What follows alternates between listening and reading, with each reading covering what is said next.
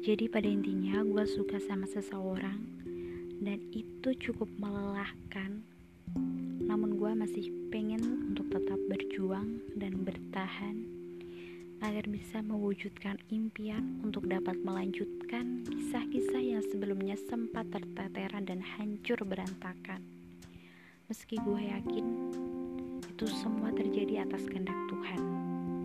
Tapi jujur, gue sebenarnya adalah tipikal orang yang cuek kalau sama orang lain kecuali kalau gue suka gue gak bakalan cuek lah